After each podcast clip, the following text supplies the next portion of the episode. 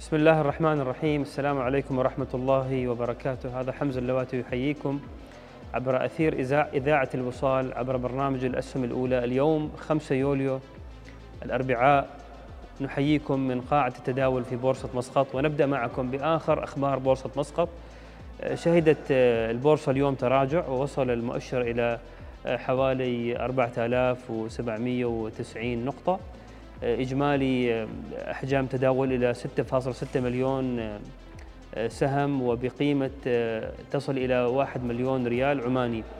بشكل عام الأخبار في الأسواق المالية العالمية لم تتغير كثيرا الأسواق لا زالت متماسكة. نتكلم عن البورصة في الولايات المتحدة الأمريكية. هنالك تراجع خفيف في البورصات الأوروبية.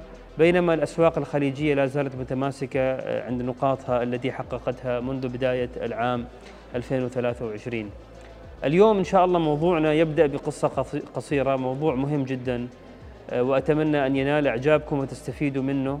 في بعض النقاط المهمة التي التي سنطرحها خلال هذه الحلقة. الموضوع يبدأ بقصة قصيرة وقصة مميزة. هذه القصة تقول أنه هنالك عائلة هذه العائلة الأب سالم والأم عائشة رزقوا بولد اسمه حمد. وعندما رزقوا بحمد أول شيء عملوه أنه بدأوا يدخروا له بعض المبالغ المالية على شكل ذهب يذهبون للسوق ويدخروا هذا الذهب يشترون الذهب لحمد للمستقبل. لأنه أقاربهم قالوا لهم على أنه هذا الذهب سترتفع قيمته خلال السنوات القادمة. ولما يكبر هذا الطفل حمد ويصبح شاب ممكن أنه يستفيد من هذا الذهب في تلبية متطلبات حياته من زواج من تعليم وغيرها. وفعلا بعد مرور عشر سنوات أصبح لدى الأسرة مخزون من الذهب بعدة أحجام بالإضافة إلى الحلي والمجوهرات الذهبية. وكانت والدة حمد دائما من محبي الذهب ومتابعي أسعاره. فكل ما أسعار الذهب تنزل تنبههم. يا جماعة الخير أسعار الذهب نزلت اذهبوا للسوق واشتروا الذهب. وكانت دائما والدة حمد مثل كل أمهاتنا يقولوا أن الذهب قيمته فيه. وأن الذهب لا يفقد قيمته وأن الذهب مثل ما يقال في الأمثال الشعبية هو ذخر.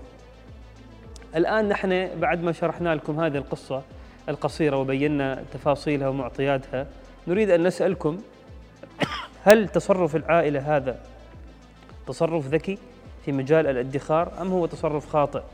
لذلك نحن الآن في هذه الحلقة سنناقش عن موضوع شراء الذهب كاستثمار وحتى نحدد مدى صحة تصرف عائلة حمد أو خطأه ينبغي علينا أن نعرف بعض المعطيات وبعض المعلومات وفي النهاية المحصلة لكم أنتم حتى تحكمون هل شراء الذهب يناسب توجهكم الاستراتيجي في الاستثمار أو لا يناسب وهل هو صحيح أو هو خاطئ. في البداية خلونا نفهم شيء أساسي. أنت لما تشتري الذهب ينبغي عليك أنك تعرف على أن الذهب ليس يعني منتج استثماري يدر دخل. يعني أنت تشتري الذهب تحطه في خزانة أو تحطه في البنك ولكن هو ليس منتج مدر للدخل بعكس الأسهم اللي ممكن توزع توزيعات ربحية وبعكس العقار اللي ممكن أنت تستفيد من عوائد الإيجار وكذلك بعكس السندات والصكوك اللي توزع فوائد أو عوائد نص سنوية أو سنوية. فالذهب لا يدر عليك دخل لأنه ليس منتج مدر للدخل وليس أداة استثمارية منتجة مثل بقية الأدوات الاستثمارية اللي ذكرتها. هذه هي الحقيقة الأولى التي ينبغي علينا أن نعرفها عن الذهب. الحقيقة الثانية أن الذهب يحتفظ بقيمته على المدى الطويل وعندما أقول المدى الطويل أتكلم عن 30 سنة 40 سنة 50 سنة. عشر سنوات قد لا تكون يعني تعتبر مدى طويل بالنسبة للذهب. والاستثمار في الذهب أيضا من الحقائق أصبح سهل. أنت الآن بإمكانك تذهب لسوق الذهب أو أي محل يبيع الذهب وتشتري منه اللي هي يسموها النقود الذهبية أو هذه الصكوك الذهبية الصغيرة. وممكن أول ما عندك مال إضافي تشتري حتى لو كان بمبلغ صغير تشتري وتجمع الذهب.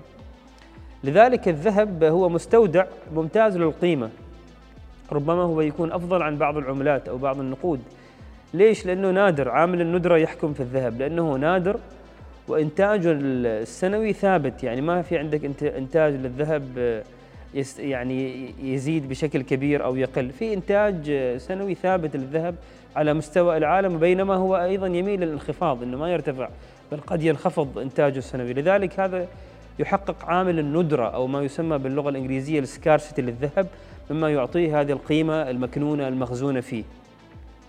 كما أنه يعتبر عالميا وسيلة للتداول. أنت الآن آه، تذهب لبعض الدول تجدها أن هي تتعامل ما بينها بالذهب. يعني يمكن دولة إلى الآن آه، يعني تعطي لدولة أخرى ذهب مقابل خدمات أو بضائع. فلا زال هو وسيلة لتبادل البضائع والسلع والتداول. وهو أيضا قابل للحمل والنقل. هو أصل أيضا له أبعاد مادية. النقطة الثالثة والحقيقة الثالثة على أن الذهب ممكن أنك أنت تنقله من منطقة لأخرى. إذا فكرت أنك تسافر مثلا أو الناس اللي مثلا يفكروا أنه مثلا لفترة معينة يبتعدوا عن أوطانهم لعشر سنوات عشرين سنة أنت ممكن أنك تنقل الذهب هذا وتبدأ آه، حياتك من جديد في مدينة جديدة في دولة جديدة عن طريق بيع هذا الذهب وتبدأ حياتك آه، فهذه أيضا حقيقة. وهذا أيضا يشكل حافز للاستثمار في الذهب أو للاحتفاظ بالذهب لأنه يمكن نقله من منطقة لأخرى. أيضا نقطة أخرى على انه الحكومات بشكل عام تتأثر بالعوامل الاقتصادية مثل التضخم، مثل التباطؤ، مثل آه، عوامل اقتصادية متعددة، لذلك تلجأ الحكومات إلى سن سياسات نقدية وسياسات اقتصادية. مثلا تخفيض قيمة العملة أو إلغاء بعض العملات مثل ما حصل في الهند في عام 2016 كان عندهم عملة اللي هي الألف روبية هندية. هذه تم إلغائها تماما. فأصبح الشخص اللي يحمل ألف روبية هندية بعد تاريخ معين كأنه يحمل ورق ليست له أي قيمة. بينما الذهب ما ممكن أي من الحكومات أو ما ممكن أي من الجهات السيادية أو غيرها أنها أنها تلغيه أو تلغي قيمته أو مكنونه أو مخزونه. لذلك هذه من الأمور اللي تحفز الناس إلى التوجه نحو الذهب. نجي الآن أيضا لموضوع كيف نحن نحتفظ بهذا الذهب؟ هل هذا الذهب يعني نستطيع أن نحن نشتريه؟ نعم نقدر نشتريه بالطريقة التقليدية ونحطه معنا في الخزانة على شكل سبائك أو عملات ذهبية، ولكن ينبغي علينا أن ندرك أيضا نقطة مهمة أنه وضع الذهب ولو كان في خزانة في البيت أو في مكان آخر ليس خيارا امنا لأنه أنت ممكن تفقد آه، الذهب هذا في أي يعني عملية آه، لا سمح الله سرقة أو نصب أو غيرها. وتخسر هذا الأصل لأنه هو أصل مالي يمكن أن يخبأ يخبئ السارق في أي مكان وأنت ما تجده فايضا هذه من أحد العوامل السلبية لموضوع الذهب بالكميات الكبيرة اللي موجود بشكل مادي. وإذا أنت تريد مثلا تحط الذهب في مكان آمن جدا مثل البنوك في بعض البنوك حتى عندنا في السلطنة تقدم خدمة اللي يسموها الحصالات أو خدمة الخزانات الآمنة.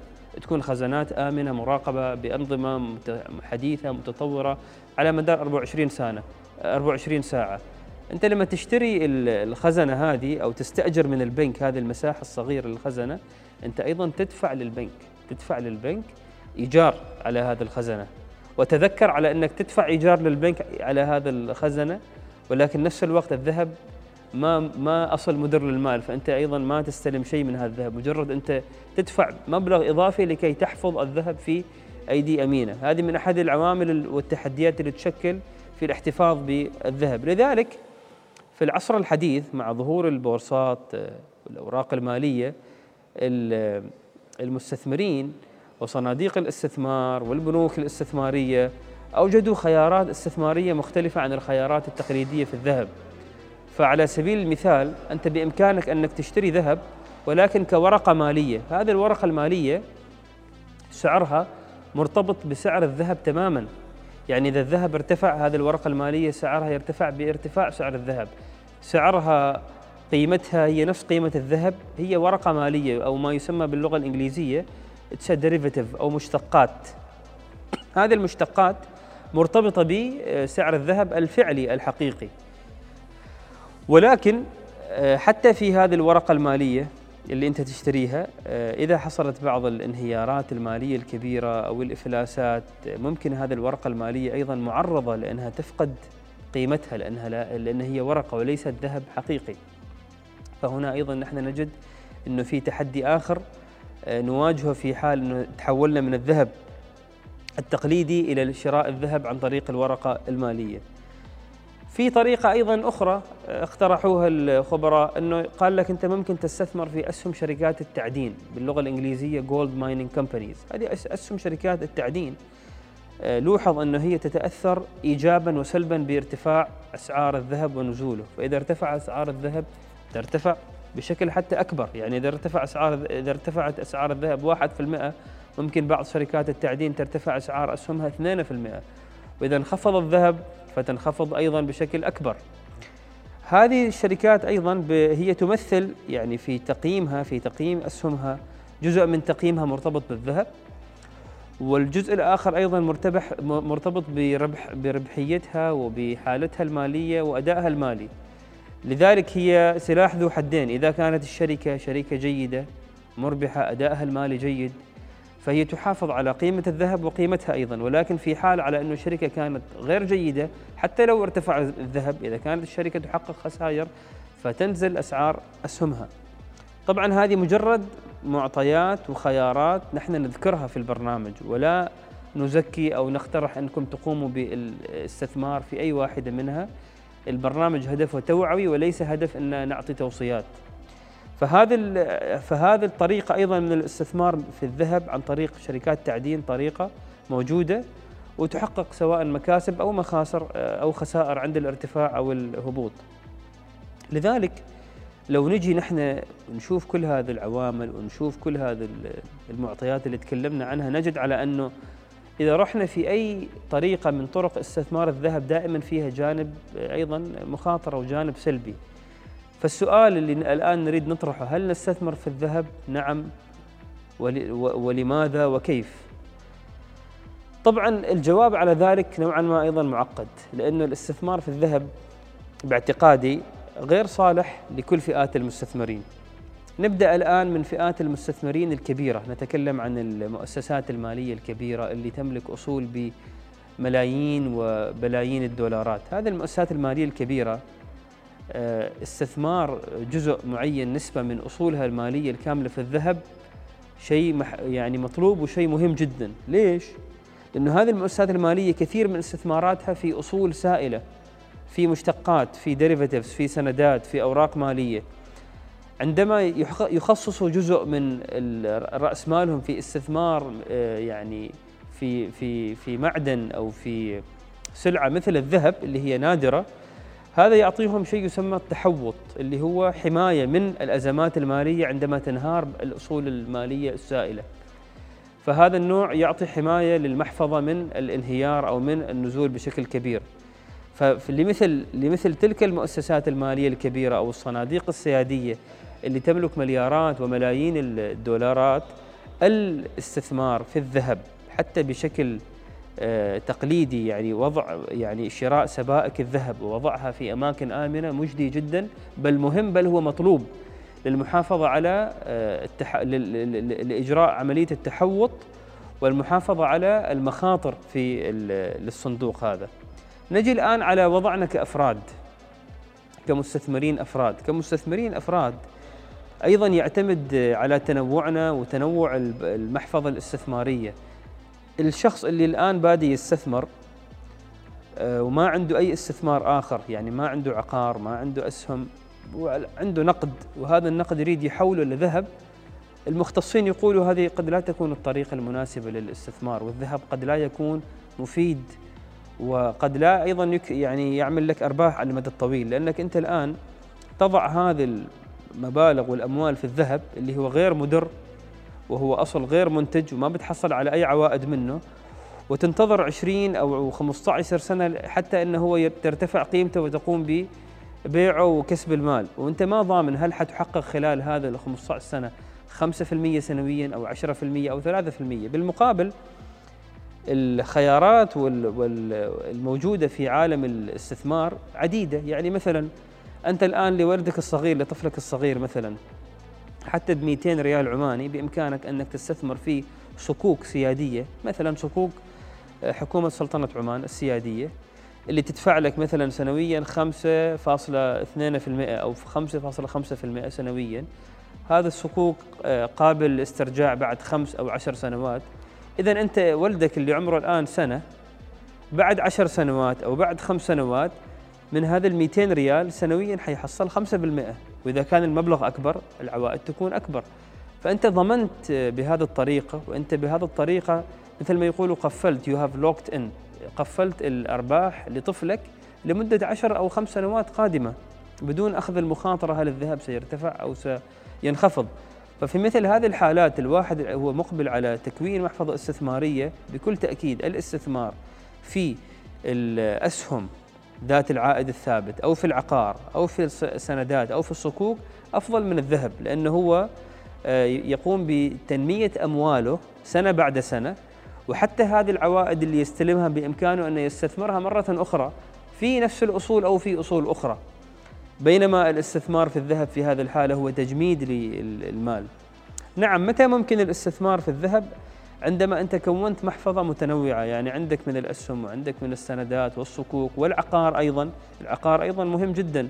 عندما كونت محفظة متنوعة وفيها حصص متكافئة أو حصص جيدة في كل استثمار وفي كل نوع من الاستثمار عندها بإمكانك أنت أيضا تتجه إنك يكون عندك بعض الذهب لأنه هذا الذهب أيضا قد يمثل حماية قد يمثل حماية لك شخصيا. إذا بكرة صار شيء هذا الذهب في النهاية آه، يعني شيء اللي هو مادي شيء أنت بإمكانك تتصرف فيه مباشرة.